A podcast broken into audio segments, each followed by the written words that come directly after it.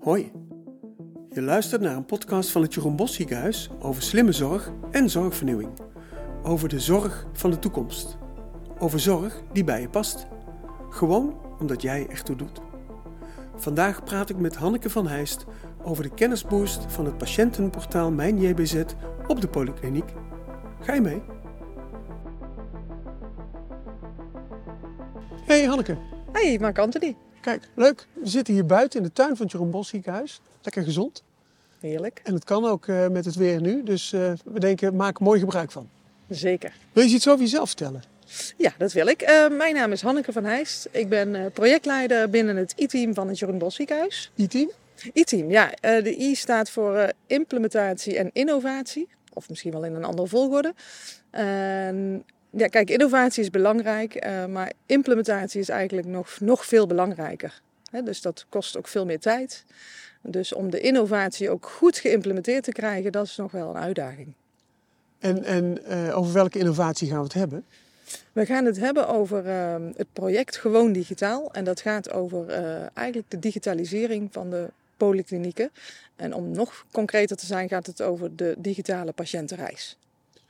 Um, nou, dan ben ik patiënt en dan denk ik, wacht even, er is eigenlijk niks digitaal aan mij. Behalve misschien dat ik een mobiel device bij me heb. Of, en je ziet natuurlijk in het ziekenhuis ook vaak wat oudere patiënten. Dus hoe, hoe, hoe ziet zo'n digitale patiëntenreis eruit? Ja, uh, nou het begint eigenlijk uh, vaak met de verwijzing van de huisarts. Of idealiter misschien al eerder, maar bij ons begint het bij de verwijzing van de huisarts. En ondanks dat jij niet digitaal bent, zit er natuurlijk een heleboel stappen in dat proces voordat jij uiteindelijk in die spreekkamer van die dokter zit. Het begint met de verwijzing, het begint met het uh, maken van een afspraak. Uh, als de afspraak wordt gemaakt, dan is er een polyassistente die kijkt: oké, is dit nou een spoedgeval? Uh, bij welke dokter kan die het beste, et cetera. dan komt de patiënt in die, in de, op een wachtlijst. Uh, maar in die wachttijd uh, zou een patiënt misschien al best wel het een en ander kunnen doen. Die zou zichzelf kunnen voorbereiden op het gesprek. En dan komt hij uiteindelijk bij die dokter en dan uh, staat hij soms binnen vijf minuten of tien minuten weer buiten. Um, ja, en dan, dan, dan hè, met een vervolgafspraak. Maar in dat hele proces, daar zitten een heleboel componenten in nou, die je misschien wel, wel gemakkelijker kan maken voor de patiënt.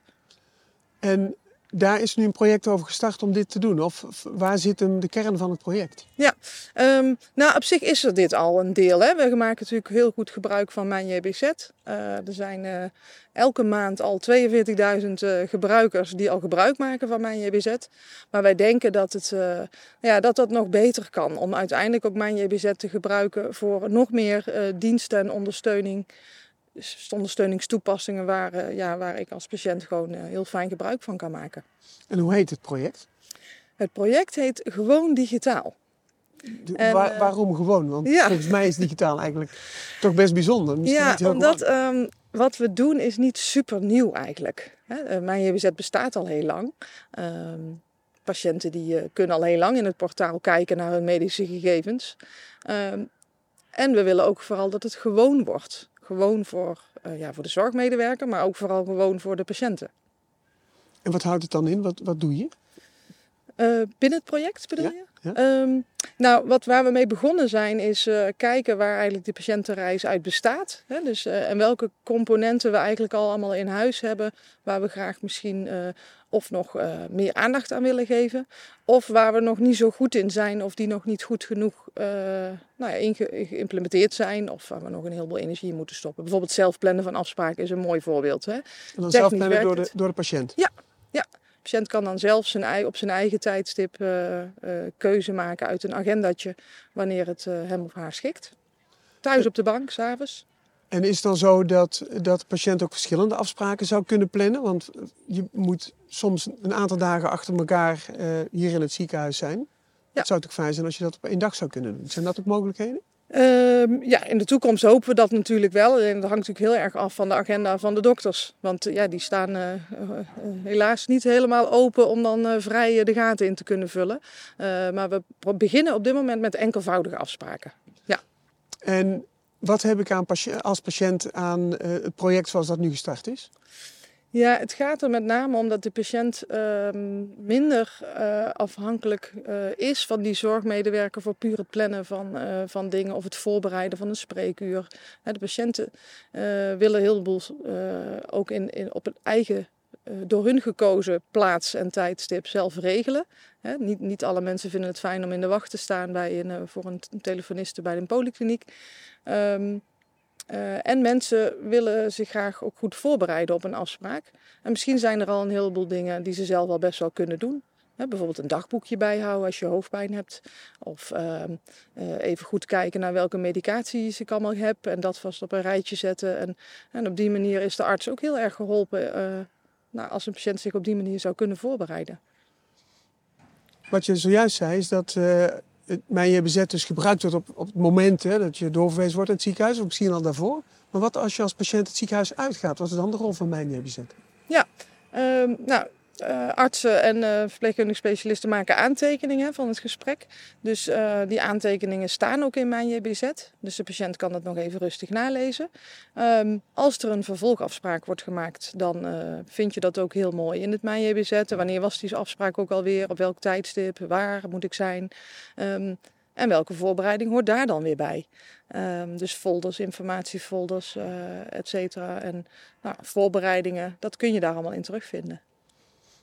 En dan ben je als e-team uh, professional uh, druk bezig met dus de innovatie en implementatie van, van zaken als mijn JBZ. Waar zit nou de grootste uitdaging? Is dat bij de patiënt of is dat bij de professional? Bij het gebruiken van dit soort dingen?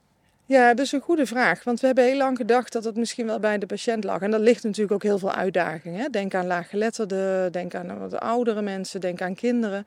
Um, maar waar we achter zijn gekomen is dat er ook een, heel veel nog te halen is in de kennis van de medewerker. En dat is wel een eye-opener geweest. Um, je kunt je voorstellen, als je, je bankzaken doe je waarschijnlijk ook heel veel, uh, veelal digitaal.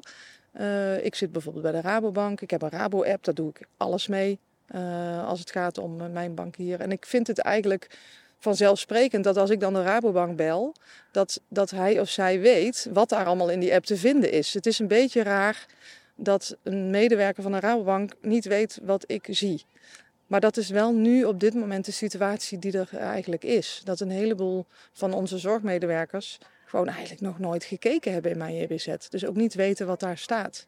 Okay. Dus om die reis goed te kunnen bouwen en ook de verwachtingen over en weer uh, nou ja, te, kunnen, uh, te, kunnen, te kunnen maken, is het gewoon heel belangrijk dat die zorgmedewerkers ook weten wat de patiënt ziet.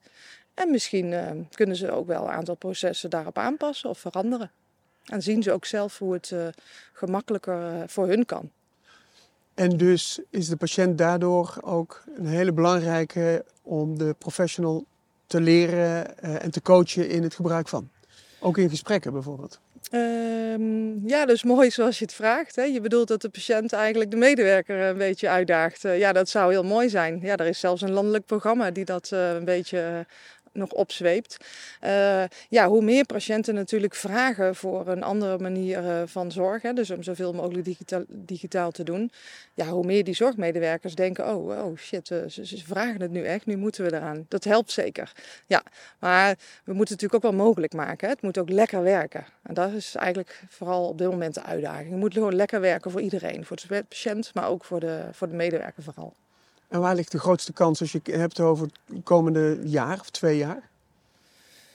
Um, de grootste kans uh, zien we in het zelf plannen van afspraken. Uh, daar zien we heel veel uh, mogelijkheden in. maar ook in het zelf voorbereiden van afspraken. Hè, dus jezelf klaarstomen zodat die dokter uiteindelijk precies de juiste informatie heeft tijdens het consult. Um, en ja, de, we noemen dat asynchrone communicatie. Hè? Dus de patiënt vraagt, stelt een vraag en de patiënt kan het op zijn eigen uh, tijd. Ik zeg het al, de patiënt stelt een vraag en de arts of de zorgmedewerker kan op zijn eigen gekozen moment dat beantwoorden. Daar zien we veel uh, hel in.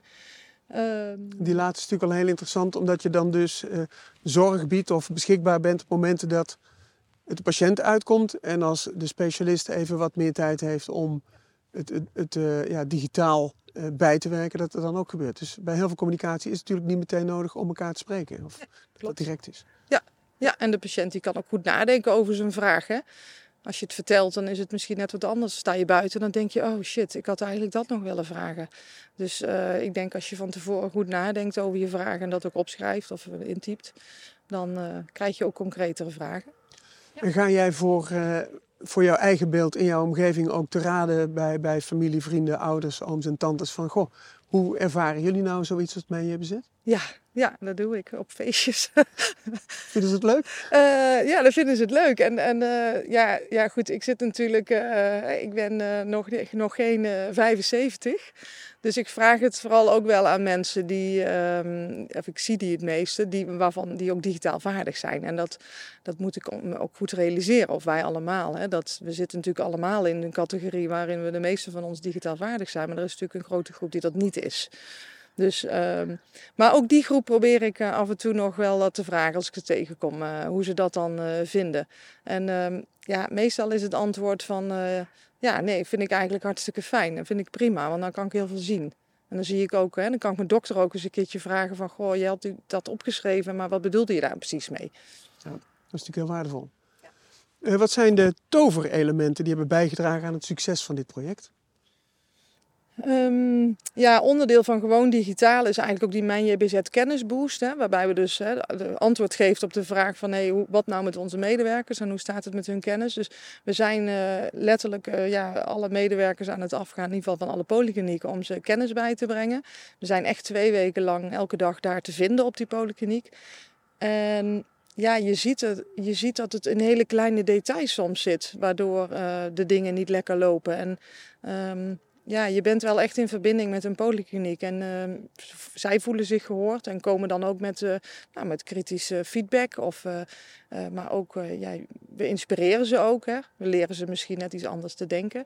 Dus door daar echt te zijn en in verbinding te zijn met uiteindelijk de medewerkers waar het over gaat, ja, bouw je samen verder, verder naar, naar beter. Ja. Gaaf. Als ja. ik het zo hoor, dan denk ik, nou gewoon digitaal zo gewoon is het niet. Het is best bijzonder wat er allemaal gebeurt. Ja, er, uh, ja het is heel veelomvattend. Ja. Super gaaf. Ontzettend bedankt. Dankjewel. Jo. Deze podcast is mogelijk gemaakt door Manon Taminio, Hanneke van Heijst en Mark Anthony Taminio.